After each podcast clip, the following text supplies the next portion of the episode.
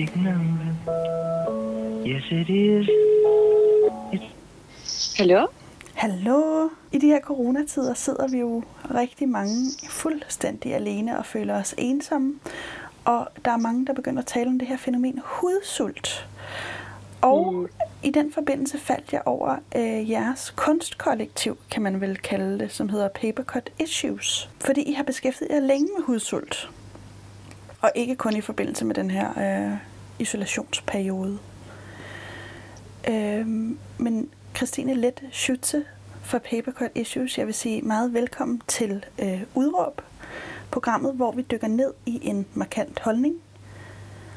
Og øh, du mener, at hudsult er noget, vi altid skal beskæftige os med, og ikke kun her og nu. Er det ikke sandt? Jo, hudsult er jo blevet utrolig aktuelt i det, at vi har et nationalt eller internationalt nærmest lockdown, og vi skal undgå fysisk kontakt med hinanden, så bliver hudsult jo meget aktuelt for rigtig mange mennesker. Øhm, men det, jeg tror, vi på Papercut Issues oplevet, i det vi har beskæftiget os med ensomhed og tematikker omkring ensomhed igennem to år snart, er, at hudsult ikke og ensomhed ikke kun er noget, der øh, er relevant at tale om her under en, øh, hvad kan man kalde det, jeg lige vil sige, undtagelsestilstand, men også tematikker, rigtig mange føler på deres krop øh, i en helt, jeg vil lige vil sige, normal hverdag. Men kan man ikke se, at det er mere relevant nu og her at tale om, om den her ensomhed og hudsult, end, øh, end generelt nu her, hvor der er flere mennesker, der føler det?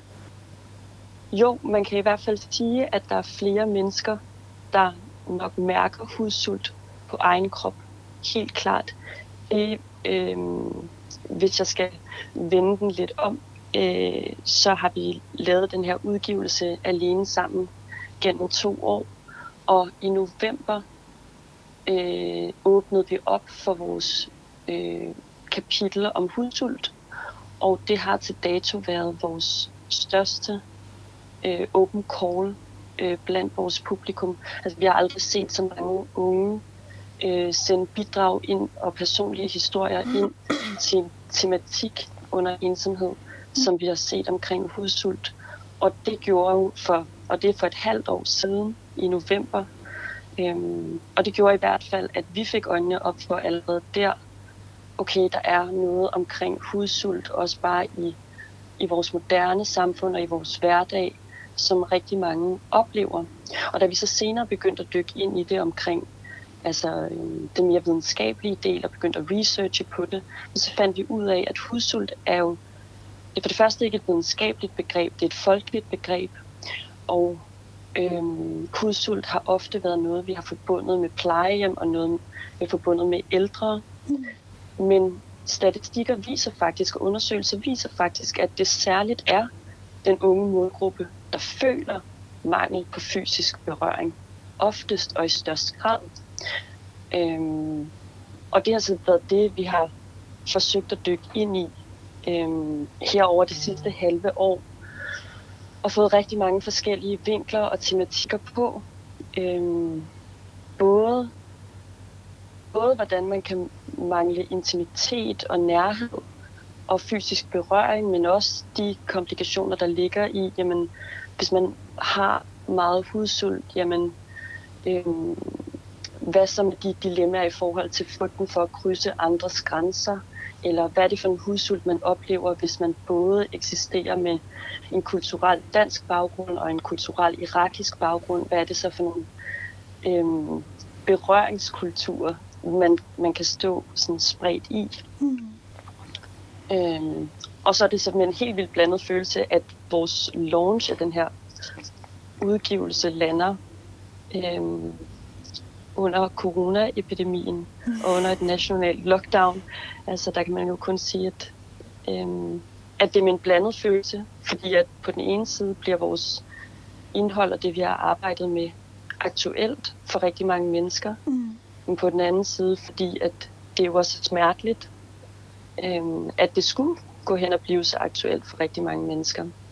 Jeg tror, at pointen om, at det er vigtigt at tale om hele tiden, har lige præcis at gøre med, at, øhm, at vi jo nu kollektivt nærmest alle sammen kan tale og, og forholde os til en ensomhed, en isolation og også en hudsult og afsavn på nærhed. Men det er også vigtigt at sige, at det er tematikker, der også gør sig gældende for rigtig, rigtig mange mennesker, og særligt primært unge i, jeg var lige ved sige, en helt normal hverdag. Øhm, så det, jeg håber på, øh, og ser ske, fordi der sker jo rigtig mange, der bliver talt rigtig meget om hudsult. Jeg tror, jeg har set altså, tematikken på rigtig mange medieplatforme med overskrifter i den sidste tid, og også rigtig meget med ensomhed og isolation. Øhm, på den måde er det jo på sin måde øh, rigtig godt at se, hvor meget der bliver talt om det. Men hvorfor er det, Men det er så godt at tale om øh, netop hudsult og ensomhed? Altså, øh, ja, hvorfor er det det? For det første fordi, at, som vi forstår det, at ensomhed er et virkelig stort stigma og et rigtig stort tabu. Øhm, I de to år, vi har beskæftiget os med udgivelsen hos os, jamen, der tror jeg kun, vi, vi har forstået, okay, hvor svært det faktisk er at tage ordene, jeg føler mig ensom i munden. Så svært, at selv forskningen forsøger at komme omkring det, ved ikke at stille direkte spørgsmål til ensomhed. Øhm, så det er for, at det skal blive lettere at tale om og åbne op for sin egen øh, potentielle ensomhed. Ja, og meget af det, der ligger i at føle sig ensom, og at man føler, at det er et socialt tabu, handler jo også om, at man føler, at man står alene med det. Og nu kan vi så tale om, at vi kollektivt, altså forhåbentlig gør det, eller ikke forhåbentlig, men jo gør det nok, i hvert fald på et perspektiv, mere acceptabelt at tale om i de mange medier og mange personer står frem og taler om ensomhed, isolation og hudsult. Jeg tror, min pointe er, at jeg håber også, at vi tager det sprog og de ting med videre ind i en mulig hverdag efter et lockdown. Øhm, fordi ifølge Folkebevægelsen mod ensomhed, så er det altså 350.000 danskere, der føler sig svært ensomme før et lockdown også. Jeg tror, en af de øh, vigtigste skæld, vi har set, at man, man i hvert fald skal huske på, når man taler om ensomhed, det er forskellen mellem at være alene og føle sig ensom. Altså, at du kan være fuldstændig lykkelig, helt alene, og du kan være dødeligt ensom i en nok så social verden. Mm. Øhm, og det er vigtigt at sætte fokus på i forhold til, hvad vi arbejder med skulle lindre ensomhed. Øhm, altså at det er ikke nødvendigvis lindre ensomhed, at du er sammen med flere mennesker. Ensomhed handler i høj grad om kvaliteten af den kontakt, der er, om den nærhed, det at man føler sig set, det at man føler sig hørt, det at man føler, at man kan spejle sig. Mm. Ensomhed er jo på mange måder et menneskeligt grundvilkår. Så hvad kan man gøre ved det? Fra dit perspektiv og altså, med alt det, du har øh, du har fundet ud af?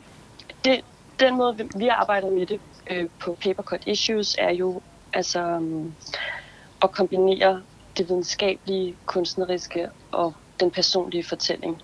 Fordi det at sige, at videnskaben er jo fantastisk, fordi at den kan på en eller anden måde arbejde med statistik, fortælle os, at 350.000 mennesker føler sig svært ensomme. Og det, at vi bare siger det, og har et statistisk tal på det, gør jo ikke, at 350.000 føler sig mindre ensomme. Mm. Øh, og jeg tror, det er der, at kunsten, det er der, at kreative fællesskaber, det er, at øh, kollektive mødesteder øh, kan åbne op og gøre, at vi i højere grad kan føle os set. Øhm, og på det helt nære plan, jamen, så handler det jo om at prøve at, prøve at være opmærksom i den nære kontakt og holde sig for øje, at det handler om kvaliteten af den kontakt, der er, og ikke så meget om antallet nu har du... øh, af venner eller følger, man har. Nej. Øh, nu har du jo beskæftiget dig ret meget med hudsult og ensomhed øh, øh, i lang tid, har vi siden november. Men jeg bliver lidt øh, interesseret i, om din egen grobund øh, for det har været et, øh, fordi du har oplevet det personligt? Øhm, ja, altså det, det har jeg øhm, øh, helt klart. Og det har da sikkert også været en faktor, der har gjort, at jeg har set, at jeg selv har manglet en platform og et mødested øh, for ensomhed. At jeg har haft perioder, hvor at jeg øh, slet ikke havde ord for den situation og den følelse, jeg sad med. Øhm, det har både handlet om ensomhed, om sorg, om hudsult øh, for mig selv. Øhm, så det har også, man kan nok godt sige, at det også har været med afsæt i egne erfaringer.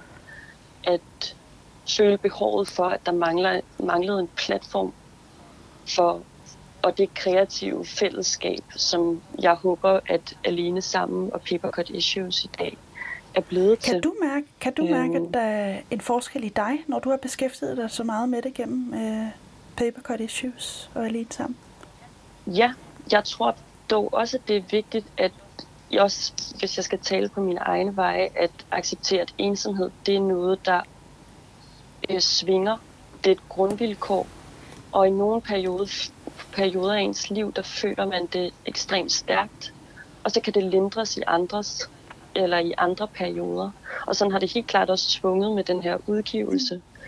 Øhm, jeg ved ikke nødvendigvis, om, om jeg føler, at øh, om det altid gør det nemmere, at man beskæftiger sig så meget med ensomhed, som jeg måske og vi har gjort igennem de sidste to år.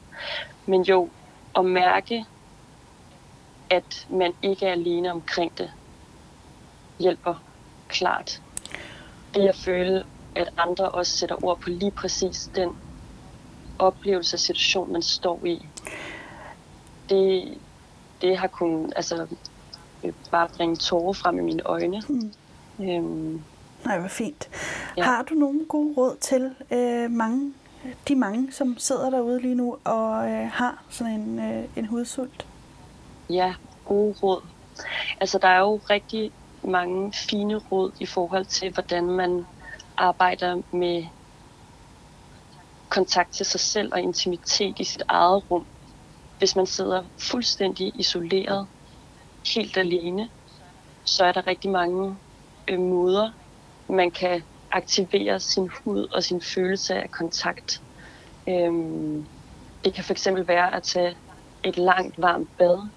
Det kan være at sætte sig i vindueskarmen eller øh, modtage sådan lad solen kærtegn en. Det kan være øh, øjenkontakt kan også udløse nogle af de hormoner, ved man, som, øh, som fysisk berøring kan. Så at skype med nogen, holde øjenkontakt, husk at se folk i supermarkedet i øjnene, øh, når man går forbi. Øh, og, og tage kontakt til nogle af de helt nære, og holde kontakt til dem. Øhm, jeg kan selv mærke, hvordan at jeg har følt, at jeg har skulle måske ringe til alle mulige, og holde kontakt med et spredt netværk, som man måske altså, føler, at man, man kan, hvis man kan.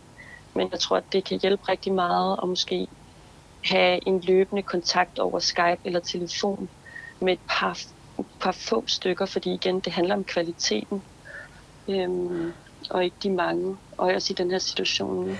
Ved du hvad? Øh, jeg vil lade det være øh, de aller sidste ord for dig, som har beskæftiget dig rigtig meget med øh, hudsult og ensomhed. Du skal have tusind tak for at bringe det på dagsordenen nu, og for at gøre det generelt. Jeg synes, tak. jeg har fået nogle, øh, nogle fornuftige råd, jeg vil tage med mig. Øh, men tak for din tid. Jamen, øh, tak fordi jeg måtte være med.